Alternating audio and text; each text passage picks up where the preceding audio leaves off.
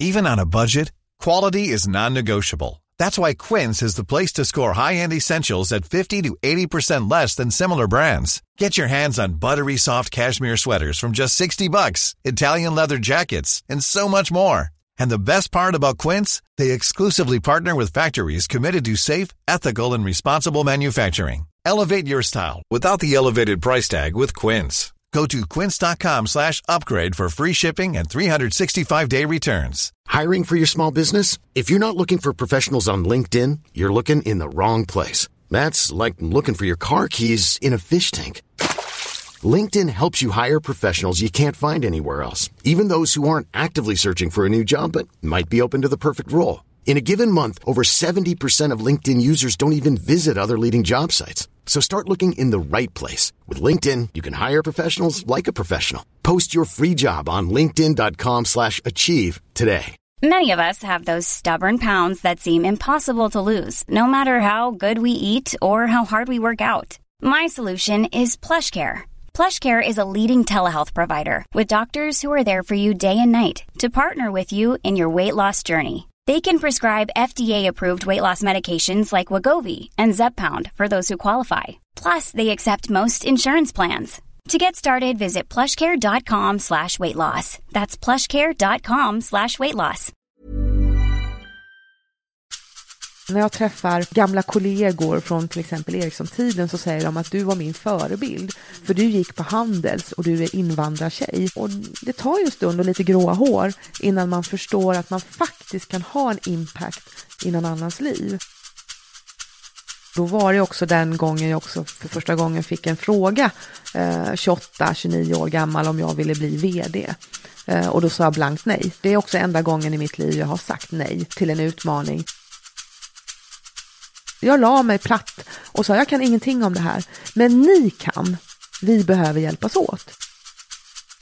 Jag har en dotter och jag bestämde mig när hon var fem att när hon fyller 18, då ska jag som mamma, förälder ha gjort allt jag kan för att driva förändring.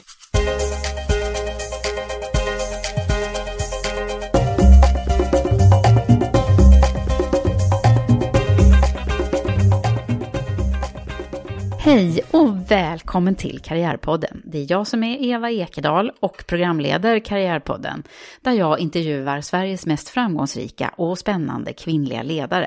För vi behöver ju fortsätta belysa fler kvinnliga förebilder.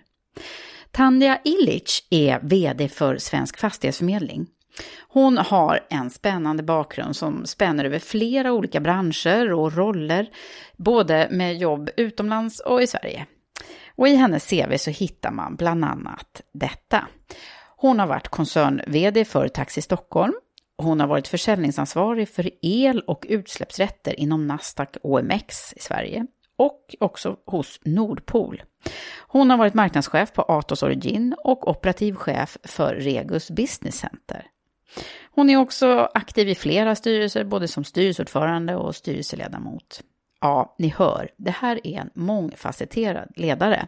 Och det ska bli så spännande att få träffa henne och jag har fått tips om att Tanja har mycket att dela med sig av. Men innan vi startar så vill jag tacka min samarbetspartner, fackförbundet Unionen, som gör det möjligt att publicera och sända Karriärpodden. Nu så, nu kör vi!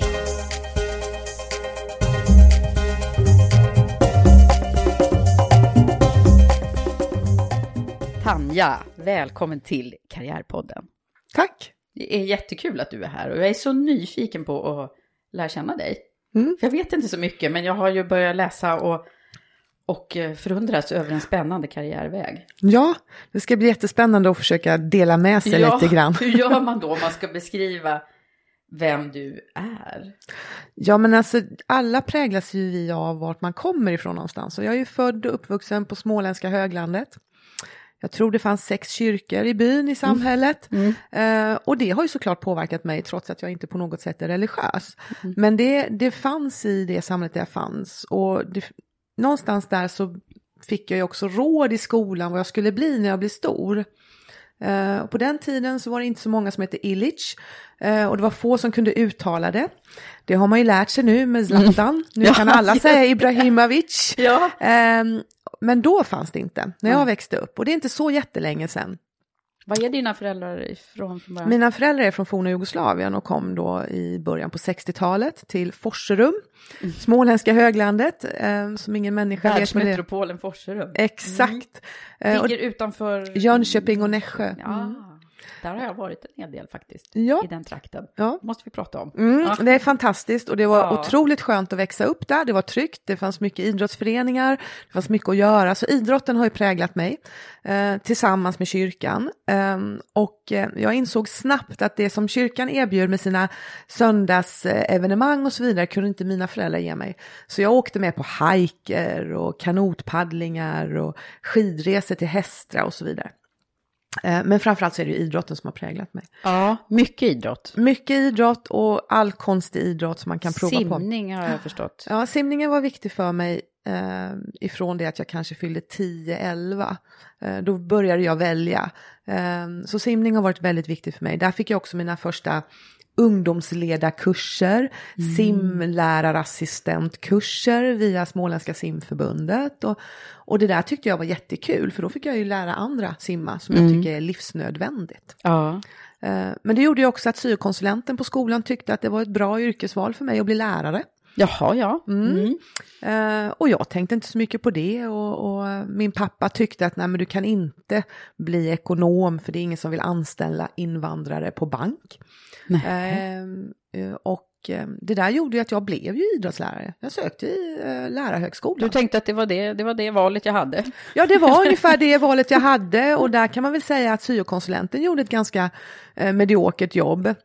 Jag ska inte dra den yrkeskåren över en kam, men, men eh, det fanns ingen som öppnade dörrar för mig på det sättet, att liksom du skulle kunna. Utan det var det valet och eh, jag blev ju också idrottslärare. Men, Men- vad, vad jobbade mamma och pappa med? Eh, mina föräldrar jobbade på industrin till att börja med och sen så utbildade sig pappa till lärare.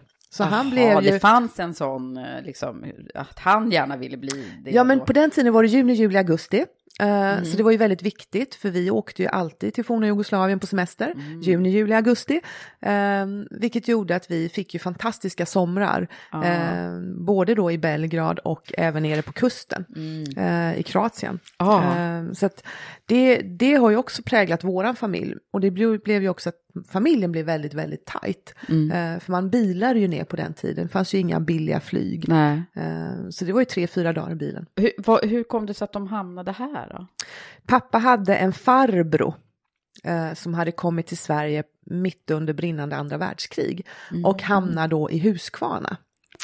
Och eh, när pappa då började titta sig om vart han skulle ta vägen så kom han först till Huskvarna och på fredagen kom han till Forserum och på måndag stod han på träindustrin och jobbade. Ja, så det var jobben som Det var jobben.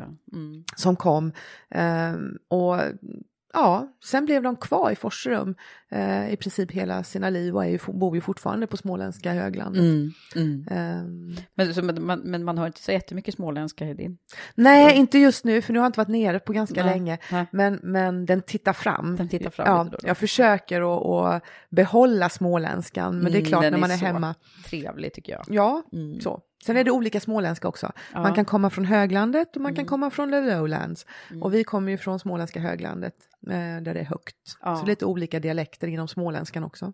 Men vad tänkte du när du var, kommer du ihåg så här, vad, vad, vad, vad, hur var drömmarna? Skulle du ut i, i världen eller vad, liksom, vad var det för tankar du hade tidigt där? Men när man växer upp sådär, både med möjligheter men lite stängt så är det ju viktigt att man har människor runt omkring sig som, som är tillgängliga. Eh, och jag upptäckte ju när jag gick på gymnasiet att det fanns någonting som hette Rotary och Lions. Eh, och där kunde man söka stipendium. För mina föräldrar hade ju såklart inte råd att skicka varken mig eller min syster på några utbytesår eller någonting. Utan då sökte jag ett stipendium via Lions Club i Nässjö. Eh, och där började ju egentligen min, min karriärslysta. Ja. För då fick jag helt plötsligt åka som utbytesstudent till Tyskland och jag fick bo i en tysk familj och jag fick komma till ett annat utbyte i en annan setting. Eh, och det har ju också gjort att jag då pratar tyska flytande och alltid haft ett brinnande intresse för just Tyskland och, och handelsutbyte och så vidare. Så att det var tack vare gubbarna på Lions som jag Ja. brukar säga som gjorde att min Manligt karriär... nätverk som faktiskt... Ja, ett manligt nätverk som, som på det sättet jo, inte gjorde någon skillnad på om man hette Andersson eller Svensson eller Illich. Nej. Utan jag fick ju söka och motivera och det bästa av allt, det var att de också krävde en åtgärd. Jag fick inte bara åka, utan jag fick också komma tillbaka och göra en presentation av mina upplevelser och berätta för de här Mm, hur det hade var. varit. Mm. Så uppföljningen där Ja, det. var jätteviktig. Ja, tänk vad mycket, det, alltså det, det kan man peka på så här, den där händelsen har säkert betytt mycket Mm. för dig då. Mm. Alltså att, att det finns ändå grejer som händer i våran, tidigt, eh, oftast i våra liv, eh, som är avgörande liksom för... Ja, ja, det där var jätteviktigt. Ja. Och likadant så var det viktigt med min simtränare. Jag kommer ihåg när han frågade mig första gången, men vad har du för mål? Dö? Mål? Vad menar du? Jag ska simma fort liksom. Jag vill simma fortare. Ja, men hur delar du upp det målet? Vad blir delmålen? Och det där har också varit en sån här händelse som jag definitivt kan sätta fingret på att det präglade mig genom att, ja, ja, okej, jag kan aldrig vinna över klockan, men jag kan simma så att klockan inte hinner så fort. Ja, okej. Mm. Det var så man skulle tänka. Så inte mot mina motståndare Nej, utan, mot utan mot klockan. klockan själv. och det innebär ju att det är bara jag själv som kan påverka det. Mm. Jag behöver liksom aldrig mäta mig mot någon annan. Nej, men hur, hur blev du som simmerska? Jag blev en medioker simmerska eh, men hade nog höga ambitioner tror jag. Eh, och jag gillar att simma fortfarande och har ju också under hela mitt liv i princip varit engagerad i simning på något sätt som simtränare eller simhoppstränare. Och sen varit engagerad i simklubben Neptun under många, många år. Ah, ja. Vad, vad, vad var det för simsätt? Eller vad Ja, men det var frisim och Det ryggsim som var ja. mina grejer. Jag börjar vifta med armarna. Ja, ja, det ser så himla härligt ut tycker jag, fast jag är helt urusel på att simma själv. Jag Ja. skulle behöva gå gått i någon skola tror jag. men simning har ju också blivit en sån här viktig fråga när det gäller simkunnighet och skolans skyldighet att lära barn simma versus föräldrars. Och det har också blivit en viktig segregationsfråga där eh, människor som inte har lika mycket möjligheter faktiskt inte kan simma.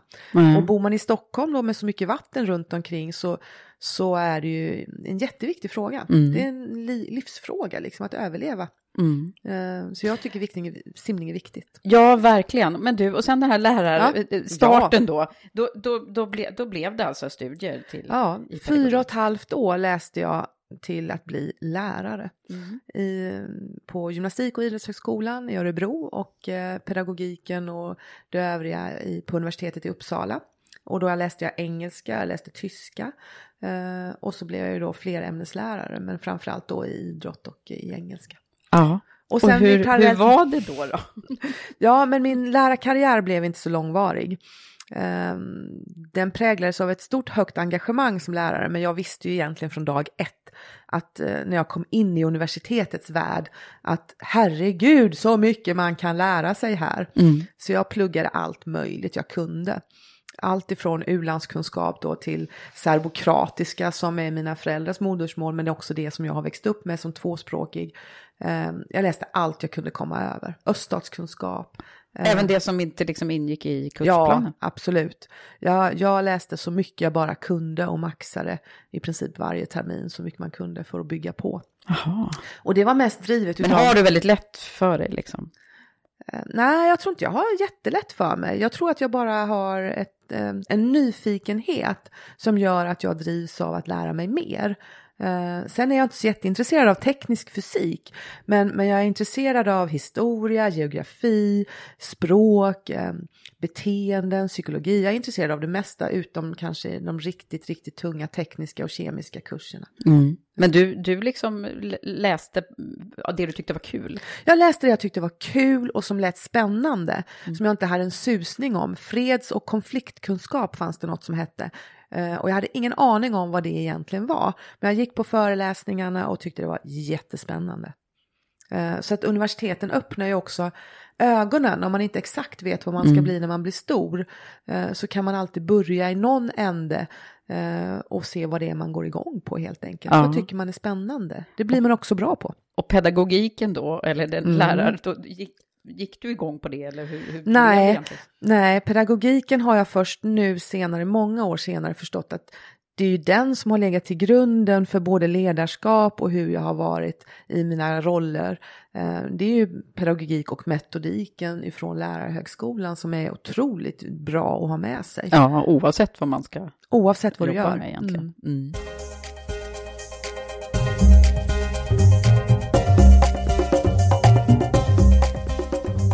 Men hur blev det då sen när du väl kickade igång ditt yrkesliv?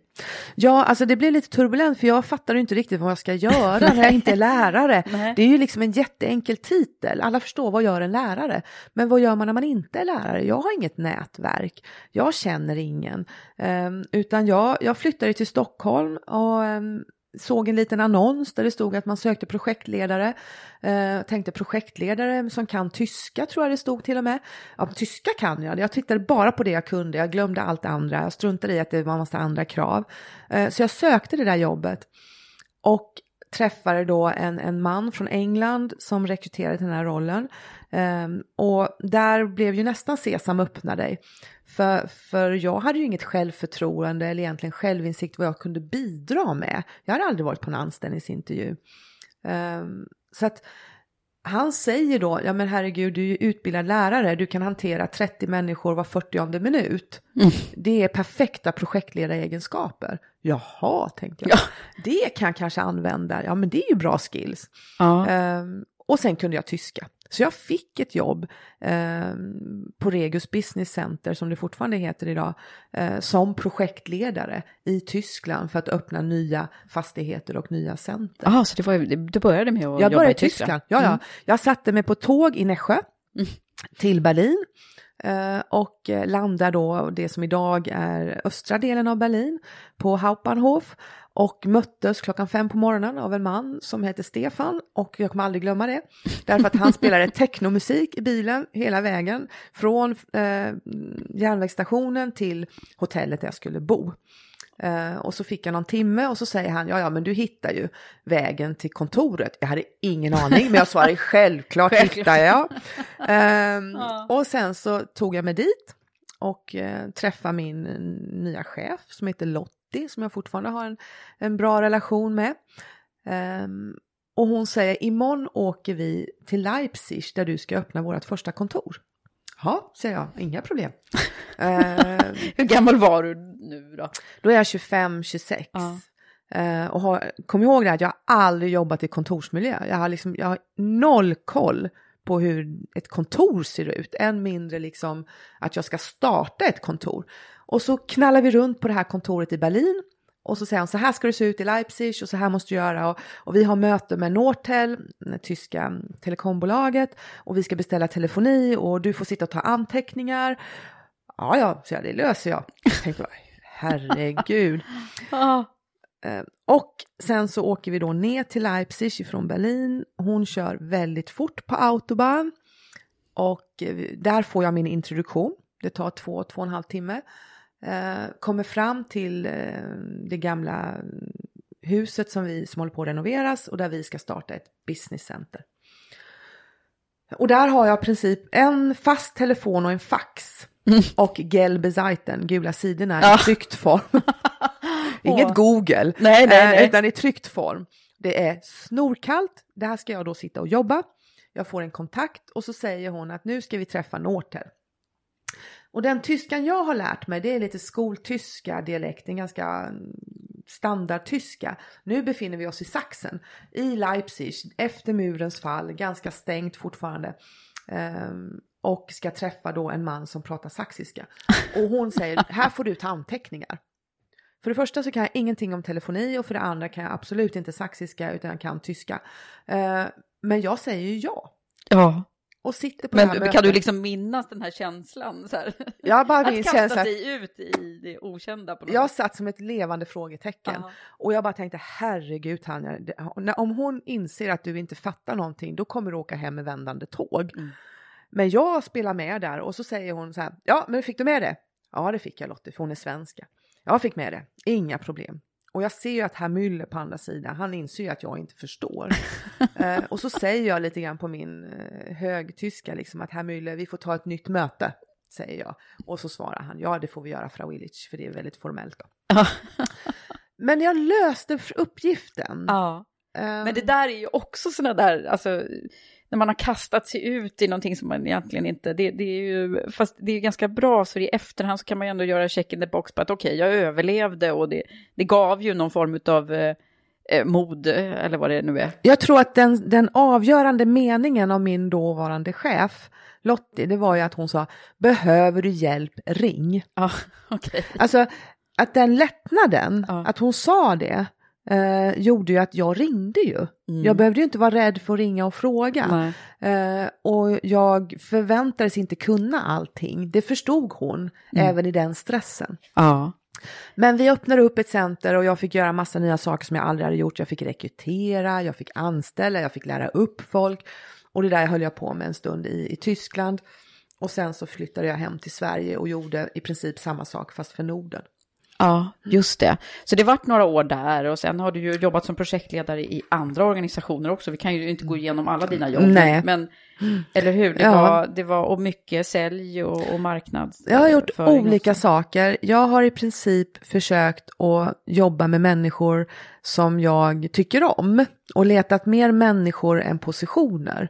Ehm, och det där har man ju lärt sig under årens lopp hur viktigt människorna runt omkring en är. Om de är där för att styrka och stärka en, eh, om de är generösa med lärdomar och kunskaper eller om de tycker att man borde kunna allting från början. När man är ny på ett jobb så kan man inte kunna allting. Ehm, Även om man är jättenischad så är jag av den bestämda uppfattningen att varje, varje företag har en egen företagskultur och den kan du inte kunna. Ehm, Så jag har ju varvat egentligen hela min karriär medvetet med projektledarroller, konsultativa roller med linjebefattningar. Mm. När Eh. kom det första chefsjobbet och hur? Det kom på Regus, Ja. för jag blev, jag blev ju ansvarig för under en kort period för, för Norden. Ehm, och, där var, och då var det också den gången jag också för första gången fick en fråga, eh, 28-29 år gammal, om jag ville bli vd. Eh, och då sa jag blankt nej. Jaha. Eh, det är också enda gången i mitt liv jag har sagt nej till en utmaning. Eh, och det har att göra med min bakgrund. Därför att en vd för mig, eh, som inte har det nätverket, det var en man i kostym bakom ett stort skrivbord med fina bilder på sin familj. med fru och barn. Jaha. Och det var ju inte jag. Och det fanns ju Du heller kunde identifiera, inte, inte identifiera det? fanns ju överhuvudtaget inte i min sinnesbild att jag skulle kunna bli vd. Eh, utan där någonstans börjar väl jag förstå att jag kanske kunde bli någon form av ledare. Jag har aldrig sett på mig själv som chef utan mer som en ledare. Eh, och få saker gjort, leverera, verkställa. Det var väl det som var mina drivkrafter i det här. Eh, när jag då jobbade på Regus så fick ju jag förmånen att förhandla om telefonisystem. Mm. Eh, och träffade då Ericsson, ett, ett företag som jag alltid har velat jobba på. Eh, ett stort, fint, renommerat företag där jag sökte många jobb men aldrig kom in, för jag var ju inte civilingenjör. Jag var ju humanist. Eh, men det här jobbet gjorde att jag fick köpa in telefonisystem från Ericsson och fick då kontakt med, med den fasta telefonisidan på Ericsson. Och där någonstans fick jag också frågan, men Tanja, du kan tyska, du kan våra telefonisystem, vill du börja jobba på Ericsson? Jag kom in bakvägen Ja. helt enkelt. Tack vare då herrarna på Lions som hade skickat mig till Tyskland. Ja, just då kunde jag ju tyska flytande. Ja. Ehm, och jag kunde lite projektledning och jag hade fått en, en chans bakvägen. Så jag började på Ericsson. Mm. Eh, fast jag inte egentligen är teknisk. Eh, idag kan jag nog påstå att jag är ganska duktig på teknik. Men, men där och då eh, hade jag ju bara upphandlat som inköpare tekniksystem för Ericsson. Ja, men så Och kan ju också Ericsson. vägarna gå liksom. Ja, och så jag hade några år på Ericsson där jag var, eh, först så jobbade jag med, med det dåvarande Anderson Consulting, Accenture idag, och hjälpte dem att implementera samma telefonisystem eh, i EMEA, Europe, Middle East and Africa. Eh, och sen så kom jag in på huvudkontoret och blev en form av teknisk projektledare för stora evenemang. Eh, och där var ju learning curve ganska brant. För helt plötsligt fick jag jobba med hela Ericssons portfölj. Ehm, och det var Och otroligt mycket kul. globala, stora projekt. då. Mycket globalt och, och var ju liksom både i Singapore och tillbaka till Cebit då i Hannover i Tyskland, den stora teknikmässan. Eh, och, och så vidare. Så jag fick ju liksom ganska snabbt Mm. väldigt mycket ansvar och tyckte det var jättekul. Ja. Och, och ledarrollen då, den, den har liksom utvecklats längs resans gång här förstås Ja. för din egen del. Har, är det så att det har liksom eh, vuxit eh, naturligt, höll jag på att säga, din, ditt ledarskap? Eller har du någon gång liksom tagit, här, nu vill jag eh, ta ett större Nej. ansvar? Eller? Jag, jag har varit ganska dålig på det. Mm. Alltså jag har aldrig viftat och sagt att jag har lust att göra karriär. Nej. Utan jag har ju mer haft turen och förmånen att ha haft bra chefer. För jag väljer att säga att mina chefer har varit bra. Därför att även mina mindre bra chefer, mina dåliga chefer som man oftast refererar till, har lärt mig någonting. För jag har valt att se vad de har lärt mig, inte på att de har varit dåliga chefer. Sen har jag också haft mindre bra chefer av olika anledningar. Men jag tror att det är som en handske. Eh, one size passar inte alla. Nej. Utan man måste hitta en rätt handske för att vilja lära sig. Och jag har alltid valt att försöka lära mig av alla. På Ericsson var det så att jag fick ju vara då teknisk projektledare som inte kan någon teknik. Eh, och träffade ett härligt gäng med killar i, i en lokal. Där jag börjar min mening med att hej, jag är en projektledare, jag kan ingenting. Jag la mig platt och sa jag kan ingenting om det här, men ni kan. Vi behöver hjälpas åt. Och då var det tur i oturen, men det var liksom 95, 96, 97 procent män, killar och så hade jag två tjejer som var jätteduktiga ingenjörer också. Eh, Men vi fick till det där teamworket. Så att eh, de har ju stöttat mig, de har ju också gjort mig till den jag är. Ja. Eh, Jag var ju inte deras linjechef, men jag var ju projektledare. Men det var ditt projekt- sätt att kommunicera som säkert gick hem då? då? För hade du liksom trott att du skulle kunna ge dig in i deras jag, område? jag låtsades inte kunna. Nej. Mm. Jag förespeglade dem inte att jag var kompetent i någon form för att bestämma vilka typer av tekniker och kableringar vi skulle ha där. Utan jag lärde mig, jag valde att lära mig av dem och sen försöka rulla ut röda mattan för dem. Det vill säga göra deras liv lättare när vi väl kom på plats. Men du Tanja, vi har ju några jobb som jag vill dyka ner i lite. Ja. Bland annat så är det ju förstås eh, när du var vd på Taxi Stockholm Ja. och hur det gick till. Ja, För det var ju liksom inte, det, det var inte en bransch som kanske var nära. nej, jag har ju bytt branscher ganska Ja. ofta. Eh, Det är också intressant. ja. Man kan göra det. Man kan byta bransch och jag blir ju lite sådär ibland ilsken på headhunter och rekryterare som säger att den här branschen är så specifik så vi behöver någon som har jobbat 20 år med någonting. Eh, och jag skulle hävda motsatsen, man jobbar med människor. Eh, alltid. Eh, och sen kan man lära sig om man vill. Eh, och jag har ju då från teknikbranschen så bytte jag ju då till energibranschen. Jobbade i nästan sju år inom eh, elbranschen, energi, Nordpol, eh, Europas största elbörs. Eh, jag kunde inte heller så mycket om el, Nej. eller utsläppsrätter då. Och sen så blev det en, en period på Nasdaq OMX då Just det. eh, i finansmarknaden. Så jag har jobbat med Goldman Sachs, Merrill Lynch, Morgan Stanley, alla investmentbanker där jag kände mig som Mary Poppins. eh, och kände mig malplacerad. Eh, står man utanför liksom Goldman Sachs i London så, så får man lätt ont i magen när man kommer från, från Forserum och undrar vad man gör där när man ser alla de här bankers komma in och komma in på deras trading floor på handelsgolvet där alla handlare sitter och handlar allt ifrån eh, vete till em, aktier och valutor. Ja. Och där kommer jag med mina, med mina elprodukter. Um, alltså det är också en learning curve som är ganska snabb och, och brant. Ehm, men också där så har det gått ifrån att vara ärlig med vad man kan, leverera tillbaka, leverera tillbaka, leverera det man lovar. Mm. Från det eh, jobbet som jag då under en 10-15 års period då reste extremt mycket. Jag tror att de extremaste åren så var jag uppe i 125-130 dagar som jag var on the road. Så, så bestämde jag mig att nej, men nu vill jag nog vara i Stockholm och det har ju då med mitt privatliv att göra. Jag vill vara i Stockholm. För då hade du fått familj? och- Ja, då hade jag en tonårsdotter Mm. eh, och eh, jag försökte få Försäkringskassan att ändra på sina regler så att jag kunde vara mammaledig när hon fyllde 13. Eh, det gick inte så bra, för jag hade inte varit mammaledig eh, utan jag valde att jobba. Vilket är lite ovanligt i Sverige, men, men jag valde det och det passade vår familj. Mm. Eh, Men jag kunde inte vara mammaledig när hon var 13 och då bestämde jag mig för att jag vill vara nära när hon är tonåring Eh, och så vill jag ge- sluta resa under en period. Eh, och då blev det istället så att jag fick ju hela världen på min arbetsplats eh, på Taxi Stockholm. Ja. Ett fantastiskt bolag. Hur, hur gick det till när du började där? Sökte du dit eller? Jag eh, blev uppringd av en headhunter om jag minns rätt. Eh, kan svika mig lite, men jag tror att det var en headhunter som ringde och frågade om jag var intresserad. Eh, och jag sa absolut. Eh, det låter jättespännande. Och för mig var ju Taxi Stockholm bilarna som rullar på gatan.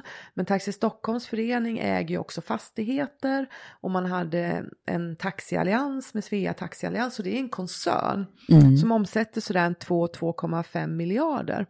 Eh, Så det är ett stort bolag och det är ungefär 5 000 människor som livnär sig på, Mm. på Och många eh, ägarintressen då i det här. Ja, det är, det är ju en förening, så det Ja. fanns ju ungefär 900 ägare på stämman. Sen kom ju inte alla till stämman, men En ganska speciell, liksom komplex organisation att leda. ja, det är en väldigt komplex organisation och ganska volatil också.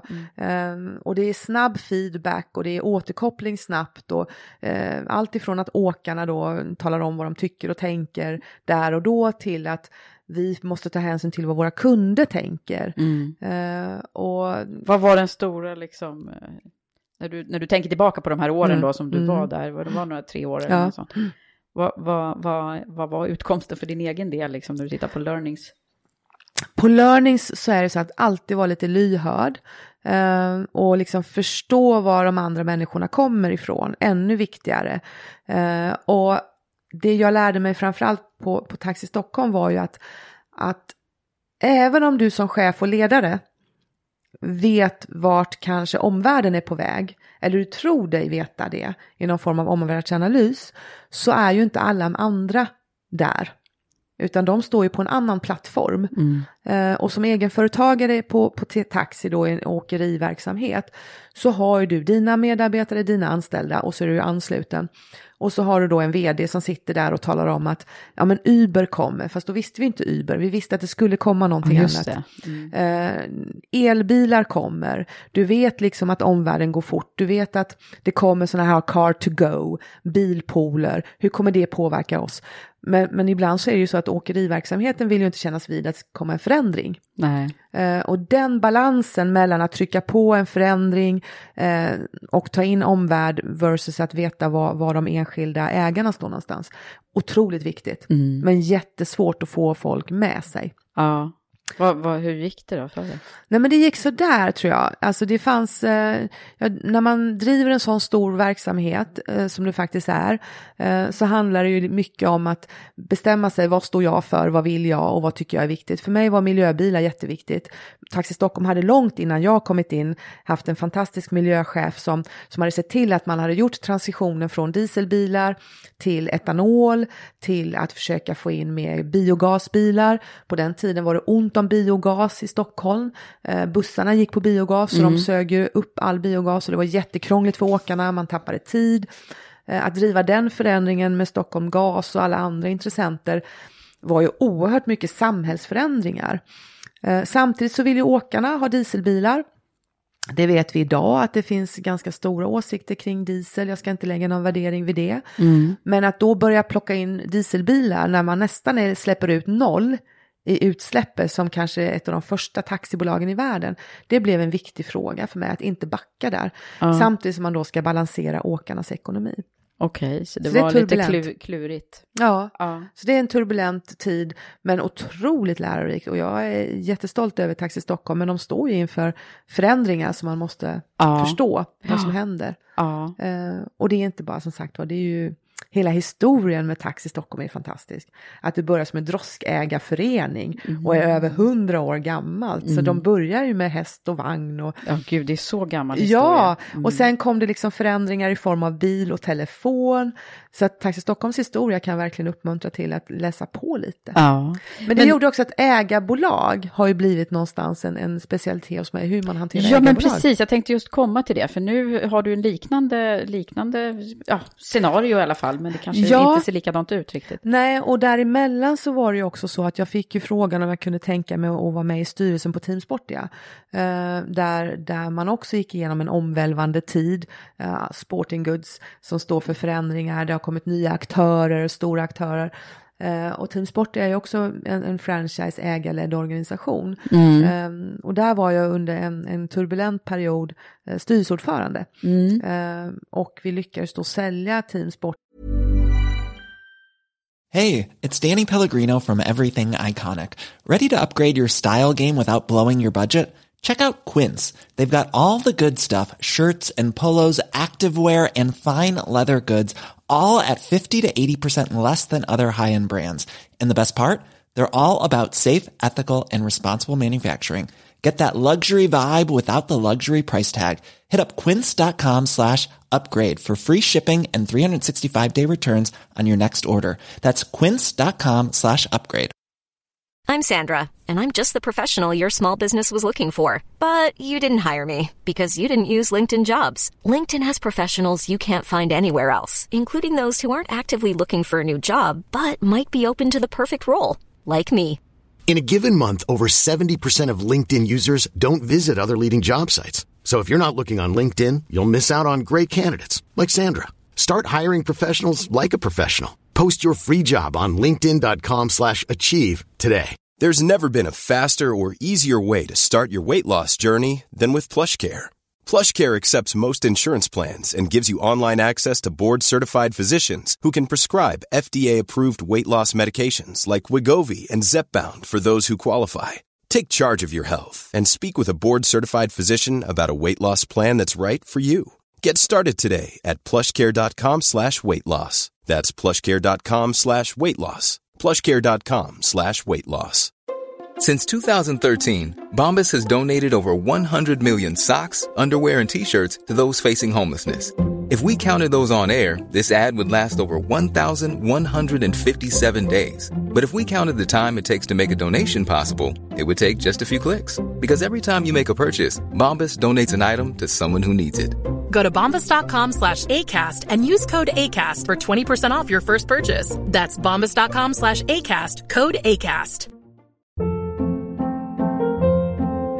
Hold up. What was that? Boring. No flavor. That was as bad as those leftovers you ate all week. Kiki Palmer here, and it's time to say hello to something fresh and guilt-free. Hello Fresh. Jazz up dinner with pecan-crusted chicken or garlic butter shrimp scampi. Now that's music to my mouth. Hello Fresh. Let's get this dinner party started. Discover all the delicious possibilities at hellofresh.com. till ett finskt bolag eh, och jag hoppas att det gamla varumärket också kan leva kvar mm. eh, och att man lyckas med sin transition för det finns många bra varumärken mm. eh, som också är deras egna som de kan bygga vidare på. Ja. Och därifrån sen så hamnar jag ju på, på Svensk Fastighetsförmedling. Emellan kan man väl säga så varvar jag med att vara konsult och projektledare igen. För att vara linjechef det tar på krafterna när man har mitt ledarskap. För det bygger på att man är närvarande, man är engagerad um, och det gör ju också att um, att ibland så måste man ta en break från den här linjen, mm. tycker jag personligen, ja. och bara få vara projektledare, inte behöva ha lönesamtal, inte behöva ha medarbetarsamtal. Nej, du, för dig har det varit en, en, fördel att ta det klivet åt sidan. Ibland. Ja, och igen då så finns det ju en omvärld som tycker att det är mm. konstigt. Mm. Och för mig är det inte konstigt, jag har bytt bransch alltid, oftare en roll. Eh, men det har liksom varit en, en, ett sätt för mig att parera kunskapsmässigt också bygga på, hur funkar det idag? Mm. Och sen tar man nästa linjeroll och så tar man kanske ett break igen och så en linjeroll. Men, men det är klart, igen då när, när, man, när folk tittar utifrån på hur man agerar så blir det ja men vad konstigt, varför gjorde du det här för? Och så letar man fel mm. istället för att se på vilka möjligheter det har gett. Uh, och jag brukar säga det att, att gå tillbaka och vara projektledare och snacka skit om chefen, det är det bästa jag har gjort. uh, för då får, man liksom, då får man ju vara en i gänget igen ja. och liksom bara kunna lyssna in. Mm. Och den erfarenheten tar jag ju med mig in i nästa linjeroll. Mm. Uh, och det tror jag och hoppas jag gör att jag um, på något sätt blir en bättre ledare och chef i nästa roll. Ja. Jag hoppas det. Men att få perspektiven brukar man ju prata rätt mycket om, att det, det är ju det man behöver. Det är liksom svårt när man är inne i, ekorrhjuren hel, hela tiden och se vad det är som är viktigt. Ja, och jag tror att det är jätteviktigt med verklighetsförankring så att man inte som chef och vd får hybris och tror att hela världen roterar kring, kring eh, ett visst område. Men Mm. det är ju ensamt att vara vd.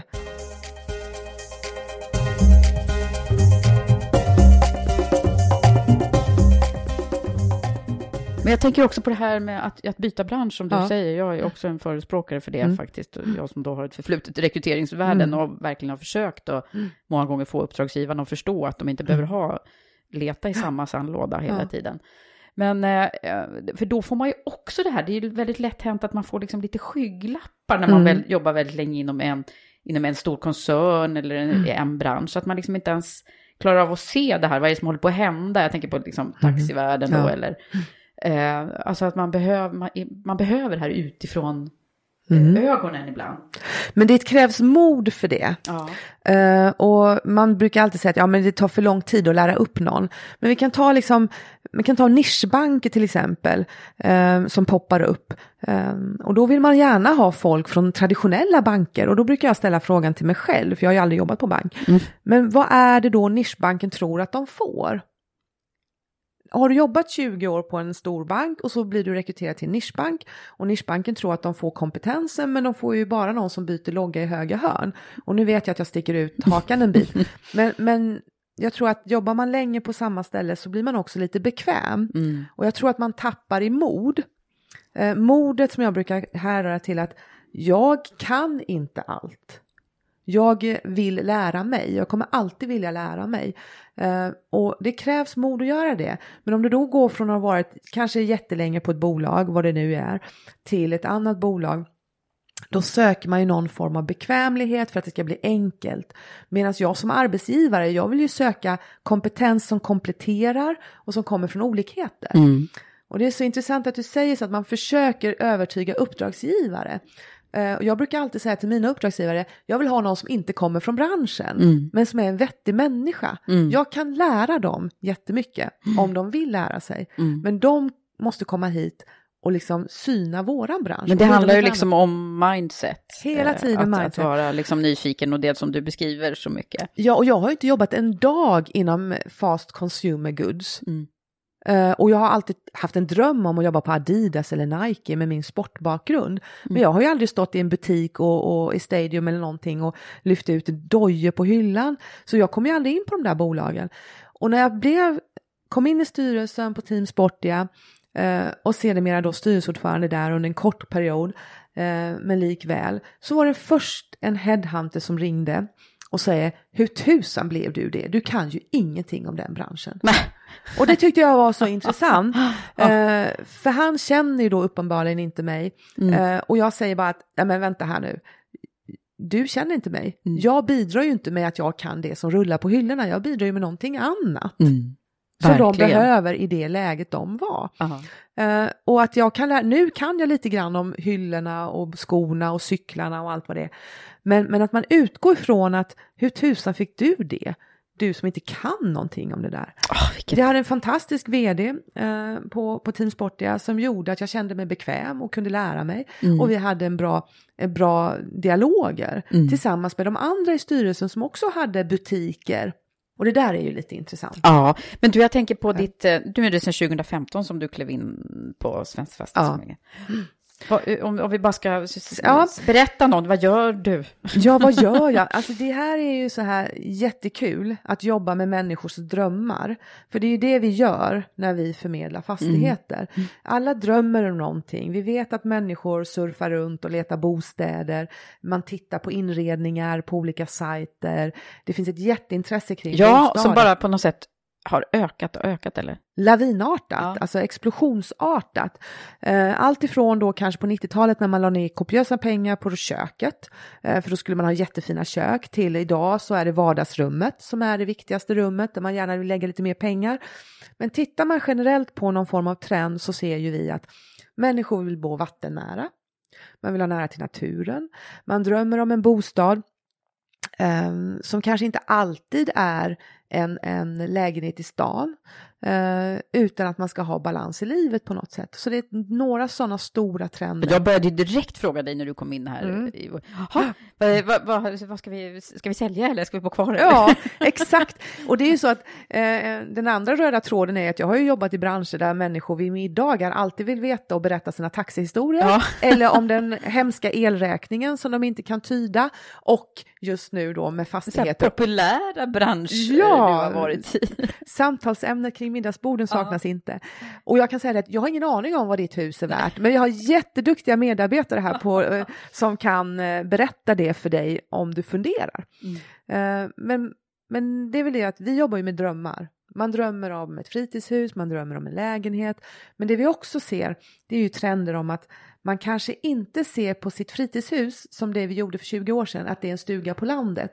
Vi ser trender att människor börjar köpa mindre lägenheter. Mm.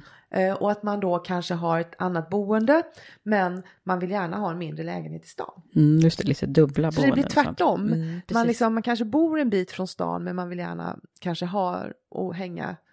Möjlighet att ja. vara där. Ja. Mm. Och lite Men det är ju en av de största affärerna vi håller på med i, i det livet. Det är den största klart. affären. Mm. Och i Sverige är vi lite unika för vi har ett ganska högt ägande av våra bostäder. Mm. Uh, och det som händer i marknaden just nu är ju lite tråkigt för att vi behöver bygga i Sverige, men vi behöver bygga på ställen där människor vill bo och verka. Det hänger ihop med infrastruktur. Vi måste få fler kanske transportsystem så att man kan bo längre ifrån men att det mm. ändå går fort och det ska kanske inte vara bilburet. Eh, många ju att, att när vi får självkörande bilar så kommer det revolutionera bostadsmarknaden också. Mm. Det är en ja, spännande ja, tanke. För att då kan du sätta dig då sätter man sin, bil. 15 mil ifrån Stockholm. Låt oss säga att var ju, Stockholm. Nu var det ju den första självkörande bilen körde ju på någon nu i Ja. Och jag det känns inte att, bra tycker jag. Nej, men jag kan ju säga det att den där, tittar man på YouTube-klippet så, så tror jag nog att den där cyklisten hade blivit påkörd ändå. Men det är en annan ja. sak. Det har inget med Svensk Fastighetsförmedling att göra. Men, men, men fastigheter är otroligt spännande och vi måste fortsätta bygga. Mm. Men bygga där människor, ett lärarpar med normal lärarlön, fint yrke ska kunna köpa en lägenhet eller en bostad. Eller om man jobbar som sjuksköterska, eh, de här gamla traditionella yrkena, eh, ska man kunna bo där man vill ändå. Mm. Idag bygger vi framförallt i många storstäder ganska lyxiga boende där man måste belåna sig ganska högt. Eh, och sen undrar man varför det inte blir sålt. Mm. Jag tror att man måste ha mer dynamiskt tänk kring byggande och ehm, jag tror och hoppas att byggbranschen kanske, kanske tänker till. Mm. För det, den branschen måste ju också förändra sig. Ja, verkligen. Men du Tanja, nu ska vi backa till eh, en grej som jag sitter med ja. Eh, och det handlar om dig. För att eh, vi ska, vi, annars blir det för mycket bostadspolitik och ja. det klarar vi inte av i Karriärpodden. men, nej, men jag tänker på, jag har läst också att du har, du har ju pluggat mm. på Försvarshögskolan ja. också. Va, va, va, och den, överhuvudtaget, du har en liten koppling till försvaret? Ja, alltså under själva kriget i Bosnien på 90-talet, som jag tror att många av oss har i färskt minne, fast man har tendens att glömma. Eh, det var ju ett krig som var ganska nära oss och, och mig speciellt också i och med att jag har semestrat där nere som barn och har goda vänner där nere. Och mina föräldrar kommer ursprungligen därifrån och det landet finns ju inte längre, utan det är ju uppsplittrat på mm. många länder. Uh, och jag hade pluggat uh, serbokratiska som det hette på Uppsala universitet. Uh, och fick då en påringning där, från försvaret där de undrade om jag um, var intresserad av att kanske jobba som tolk i FN-trupperna då. Nordbat. så jag har gjort en kortare kvinnlig värnplikt för FN-tolkar. Okay. på Swedint i Södertälje. Eh, och eh, lärt mig tolka, militärtolka. Eh, och det var jättespännande. Jag åkte tyvärr aldrig ner till Bosnien. Eh, men däremot så fortsatte jag tolka på min fritid, för det kom ju mycket flyktingar eh, på den dåvarande migrationsverket, eller nuvarande migrationsverket, ja. men då hette det ju Statens invandrarverk. Mm. Eh, så där tolkade jag en del. Och jag fascineras av det militära ledarskapet och tycker det är häftigt. Uh, jag läste om något spännande där som, hade, som har präglat dig en del när det gäller ledarskap. Eller? Ja, framförallt mm. så präglar det mig när man tänker till, när man mönstrar in och får på sig sin uniform, så händer det någonting. Mm. Uh, helt plötsligt får du ett tjänstevapen som en Glock uh, och en AK5 i handen och du får en järnhjälm som tillhör utrustningen. Och där börjar man ju tänka till lite, vad är det jag har gett mig in i? Sen börjar man också förstå att man ska hälsa på sina befäl. Oj, oj, oj, mössa på, mössa av. Man måste ju ha rätt. Ja, hela ja. tiden. Och du ska gå i linje, du ska marschera. Uh, och du har ett befäl som sitter på ett tak och skriker marschera.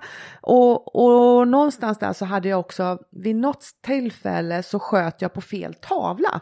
Alltså vi ligger på en skjutbana och skjuter skott och jag hette då 113 Ivik eh, och går fram till min tavla. Det låter som en gammal Åsa-Nisse-film. Ja, men det här är jätteviktigt för ja. sen kan ju då inte killarna på arbetsplatserna prata om sina militärtjänstgöringar. För jag kan ju prata om min. Ja, exakt. Eh, men jag sköt på fel tavla. Eh, jag var jätteledsen när jag gick fram till min tavla och blev inte ett enda skott satt ju på min tavla. Däremot hade 116 Fältström hade sex skott på sin tavla, så jag insåg ju snabbt att jag hade skjutit på min kollegas tavla. Och eh, kapten kommer fram, tittar på min tavla, säger mm. ingenting. Jag står i vakt, min kollega står i vakt och så tittar han på hennes tavla och inser precis som jag att jag har skjutit tre skott på hennes tavla. Um, och då säger befälet, 113 i lik. Om du inte hade varit kvinna hade jag kallat dig för en jädra idiot. oh. eh, och det där satte sig, för jag vill ju inte vara idiot, så nästa gång så sköt jag ju på min tavla. Eh, och eh, lärde mig bädda sängen som man skulle. Jag lärde mig att inte vara självgod, för jag var den enda som kunde bädda sängen första dagen. Sen fick jag bädda om resten av tiden, för min kapten fattade att jag eh, var lite självgod i min sängbäddning. Alltså det är massa sådana här subtila grejer som, som jag tyckte var lite coolt i efterhand. Eh, men det gör ju också att när jag hamnar i olika forum där killarna pratar lumpaminnen, mm. där vi kvinnor kanske ibland känner oss lite exkluderade, så kan jag lyssna med. Uh, och vid ett tillfälle så hade vi en middag och de pratade om en viss kapten. Jag ska inte säga efternamnet, men låt oss säga att han heter Andersson. Mm. Kapten Andersson, kapten Andersson, kapten Andersson. Och till slut kan jag ju inte hålla mig, utan då frågar jag det här mansgänget, det var ju min ledningsgrupp då, mina ledningskollegor. Jaha, ni menar major Andersson? Och så tittar de på mig. Vad vet du om det? Ja, men jag kan bara upplysa om att han är inte kapten längre, han är nämligen major och han var mitt befäl. Ja. Då bytte de en väldigt snabbt samtalsämne. Ja, det gjorde de. Ja, det var inte så kul att prata lumpaminnen när jag satt där. När du helt plötsligt förstod vad de pratade Exakt. om. Exakt! Mm. Det tyckte jag var väldigt spännande. Um, så att jag lärde mig jättemycket och mitt intresse för genus gjorde att jag googlade. Finns det någon kurser på genusperspektiv? Och en av de första träffarna på Google var Försvarshögskolan. Um, och det var en kurs som heter Kvinnor, knäktar och krig. Um, och det tyckte jag var jättespännande för jag kanske är lite korkad men jag förstod inte att det fanns en försvarshögskola förrän för något år sedan. Men um, det kan vi vara osagt. Mm. men jag sökte kursen, kom inte in på den, men jag kom in på en annan kurs i militärhistoria. Och så försöker jag att läsa. Så det min... håller du på med nu eller? Jag försöker läsa så mycket jag kan. Mm. Uh, och jag är inskriven på två kurser om jag inte minns helt fel. Som jag ska försöka beta av så småningom här uh, i militärhistoria. Jag tycker det är jättespännande.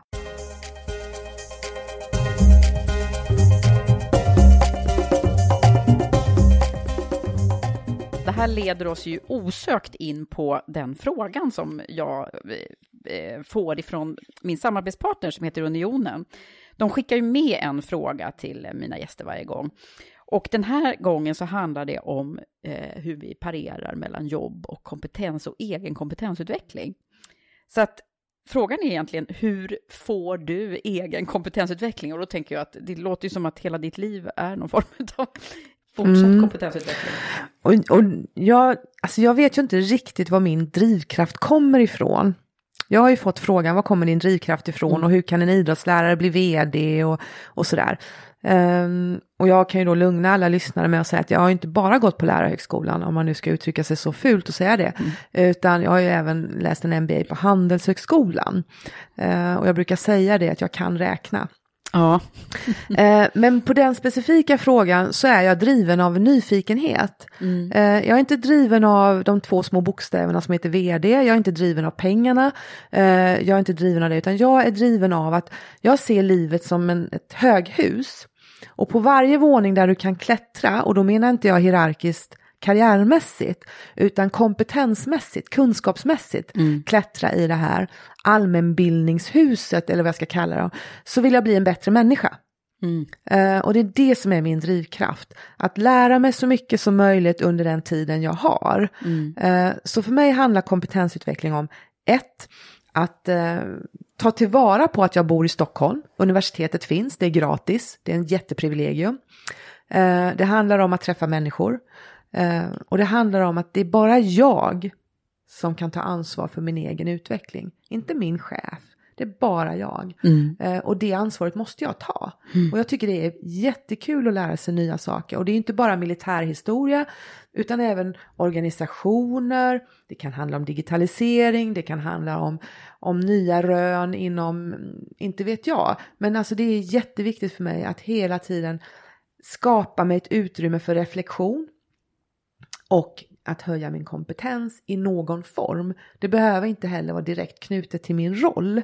Det kan vara någonting Nej, annat. militärhistoria känns ju inte riktigt som att du, du håller på att jobba med just nu. Nej, men de människorna jag träffar där Ja.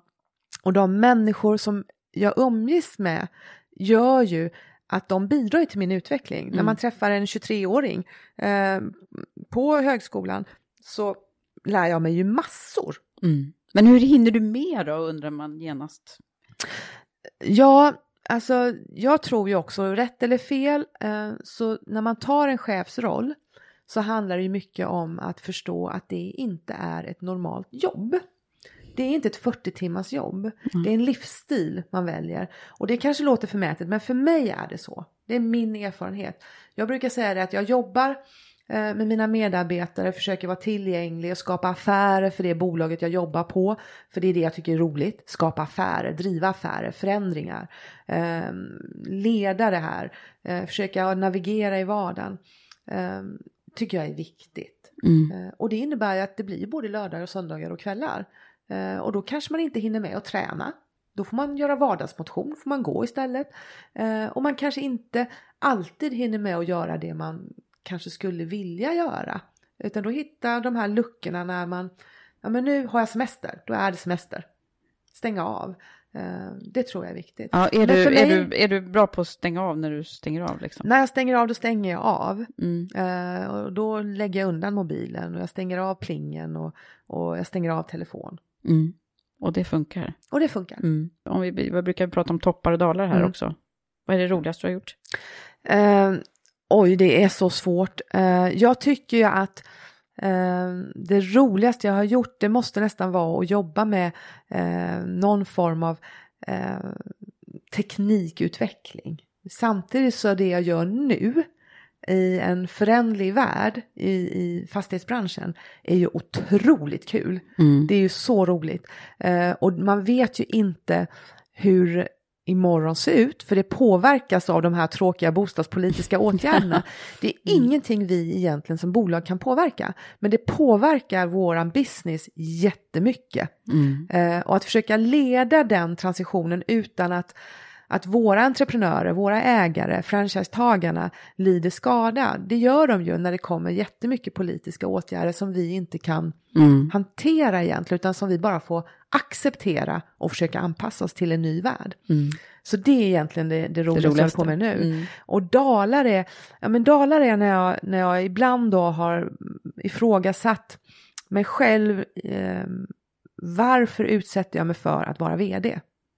Ja, okej. Eh. Vad händer då? då? Ja, men det är en sån här fråga, varför gör jag, eh, varför tar jag en roll som vd? Det är klart att det är mycket bekvämare att sitta i en ledningsgrupp och bidra eh, på den nivån.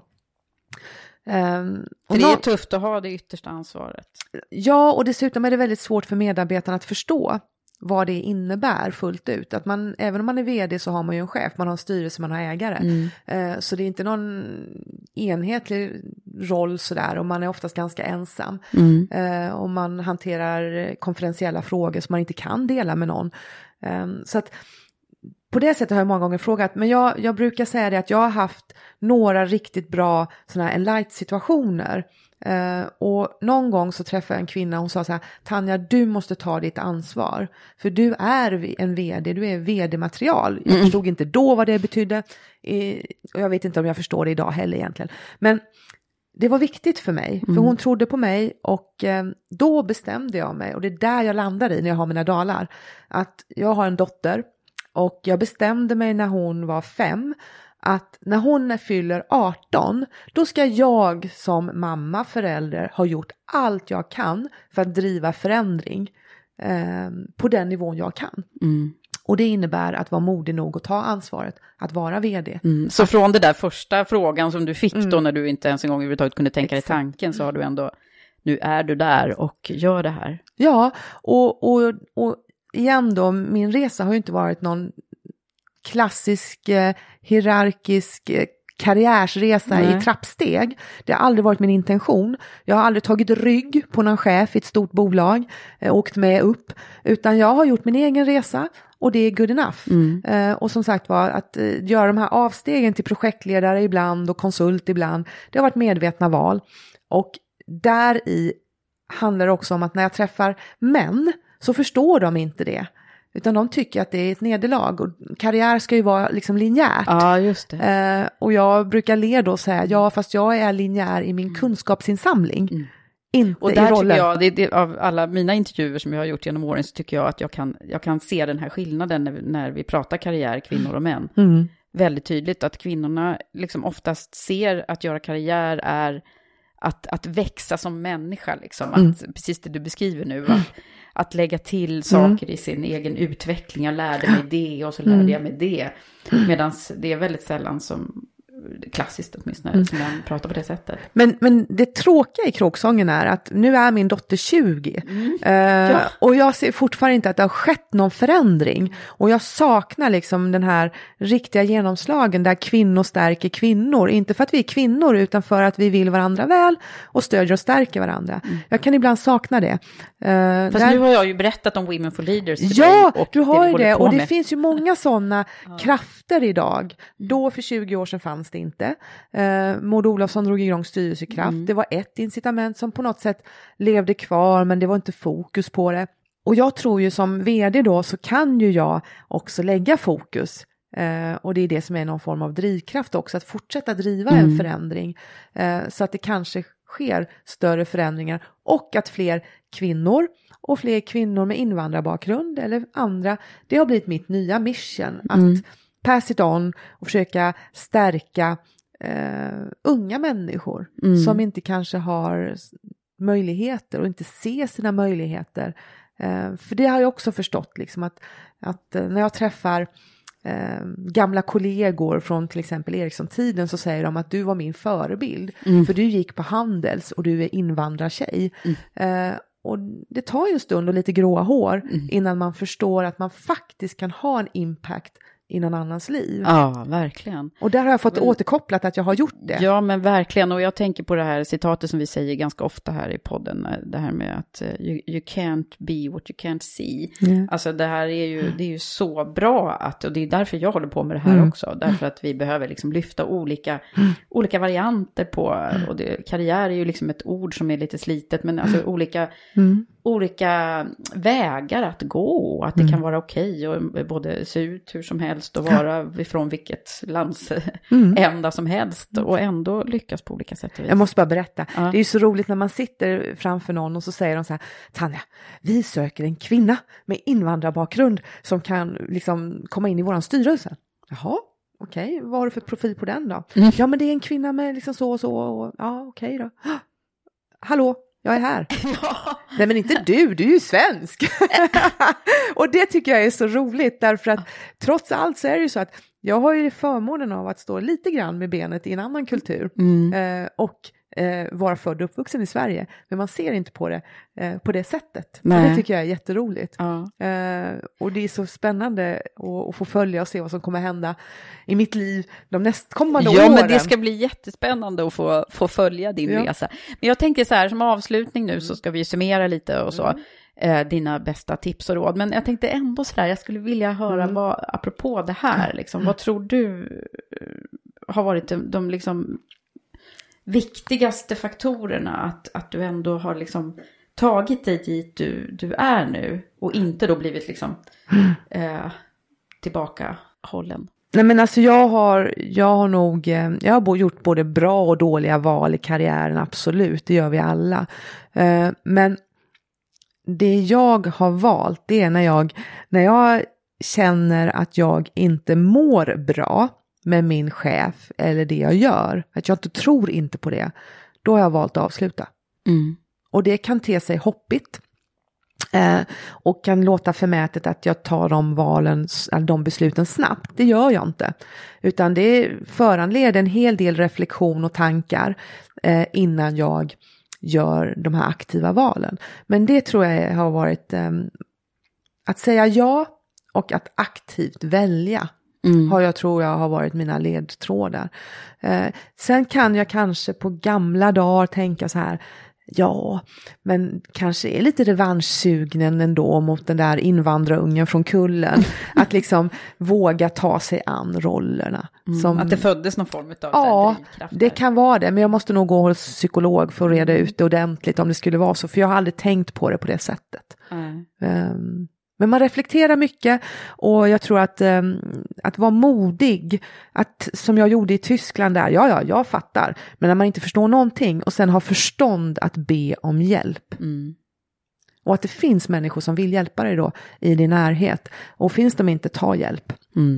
Ehm, och omge dig med människor som är generösa, tror jag är viktigt. Ja, det låter som du håller på att summera dina bästa tips här nu. Ja, men alltså lite grann det har ju Ja, varit det. ja. För jag har ju jag har ju fått flera gånger frågan, liksom, men vad är det som har definierat dig? Och det är klart att växer man upp i en sån miljö som jag har gjort, eh, med Balkanmusik och grillen som inte luktar korv utan luktar någonting annat. Och, och så här massa så här små grejer som Mm. man kan börja summera upp.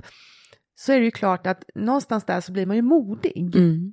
Ehm, och, och det tror jag har varit en fin gräns mellan att vara modig och dumstridig men ändå skapa sig former för att våga säga jag kan inte, jag vet inte men jag vill lära mig. Eh, det tror jag har varit viktigt. Eh, men om man ska summera upp vad jag ger för tips och råd så är det var ärlig mot dig själv. Var ärlig mot dig själv. Eh, varför vill du göra karriär? Vad är dina drivkrafter? Titta dig själv i spegeln. Det rådet fick jag för 20 år sedan av en äldre herre. Prata med dig själv i spegeln varje morgon. Jaha, det gjorde han. Ja, det gjorde han eh, och det har jag börjat med. Och, Vad säger du för något? Nej men jag säger god morgon Tanja, hur mår du idag? Och sen kan man ju titta sig i spegeln och säga så här, nej men jag kan ju inte ljuga och säga att jag mår toppenbra idag, för det gör jag inte. Utan man, eh, det är väldigt svårt att ljuga för sig själv när man ser sig själv. Eh, Jag kan tipsa om det faktiskt. Ja. Prata med dig själv i spegeln. Det är jättejobbigt de första hundra gångerna, men sen så får man en bra dialog. För Ja. man hittar liksom, jag har gjort det i varje fall. Ja. Jag hittar till att vara ärlig mot mig själv. Varför gör jag det här? Och vad ska jag göra idag? Mm. Och när man, ja igen då, varför vill man göra karriär? Vill man göra karriär eller är det bara för att man ska säga det? Eh, omge dig med människor som vill dig väl. Eh, och egentligen då oavsett kön. Men omge dig med människor som vill dig väl och eh, var modig. Det är eh, nyfiken och modig och ha kul på jobbet. Ja, och det låter ju som du har haft rätt mycket av, både det här modet och också roligt medan du jobbar. Ja, eh, och det kan ju låta igen då sådär som att man, åh, allting är solsken. Absolut inte. Det har varit mycket kris, det har varit mycket eh, av allt, ska man säga, som alla vi vanliga har. Eh, och eh, inte alltid kul att gå till jobbet. Men eh, försök att ha roligt på jobbet, det är helt okej. Vi tillbringar så mycket tid på jobbet. Ja. Och vårt liv är olika, men det är för kort för att inte ha roligt på jobbet. Mm. Och man formar ju så mycket själv faktiskt med sina egna tankar och idéer. Och vad bidrar du med på jobbet själv? Titta dig själv i spegeln och fråga vad ska jag bidra med för att vi ska ha kul på jobbet idag? Eh, och om man inte vet det, då måste man ju börja ställa sig frågan varför vet jag inte det och hur kan jag göra det? Och då kan man ju tänka sig, grubbla inte för mycket så att ni får bettskena, men, men, men eh, fundera på eh, vad det är som gör att det blir roligt på jobbet. Ja. Ehm, och bidra till det istället. Hjälp era chefer att ha kul på jobbet. Eh, leading up är ett uttryck som jag brukar säga också. Det handlar inte bara om att vara chef och leda neråt. Alltså vad gör mina medarbetare för att jag ska bli en bra chef? How do they lead up? Hur leder de uppåt? Ehm, då tror jag att man kan få ganska bra dynamik i det här. Det låter som bra slutord.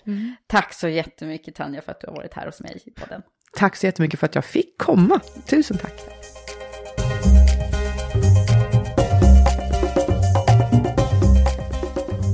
Tack Tanja. Ja, jag tänker på vad bra det är att få höra att en karriär kan innehålla så många olika perspektiv och att det inte behöver vara i samma bransch och spikraka spår. Man samlar ju på sig mycket bra erfarenheter som kan vara så bra för att kunna ge tankar och input och idéer i en ny roll och en ny organisation. Så hörni, ge er ut och var inte rädda för att bredda er. Jag vill också passa på att berätta att nu är ansökan öppen och antagning pågår till Women for Leaders Premium Leadership Program. Du kan läsa mer på womenforleaders.com. Och till sist vill jag rikta ett tack till min samarbetspartner Unionen, som är ett fackförbund för privatanställda tjänstemän.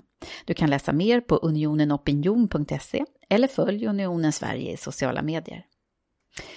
Och tack till dig som har lyssnat. Ha det så bra så hörs vi snart igen. Hej så länge!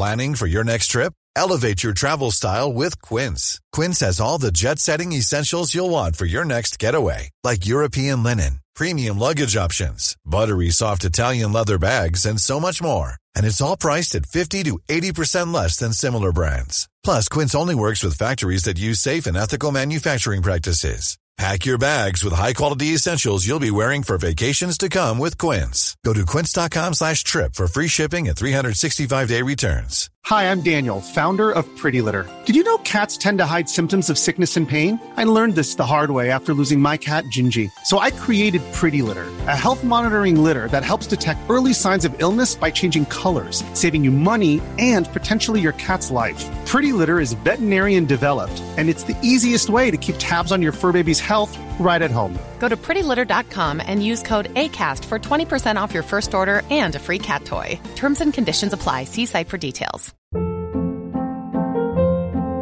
Hold up. What was that? Boring. No flavor. That was as bad as those leftovers you ate all week. Kiki Palmer here, and it's time to say hello to something fresh and guilt-free. Hello Fresh. Jazz up dinner with pecan-crusted chicken or garlic butter shrimp scampi. Now that's music to my mouth. Hello Fresh. Let's get this dinner party started. Discover all the delicious possibilities at hellofresh.com.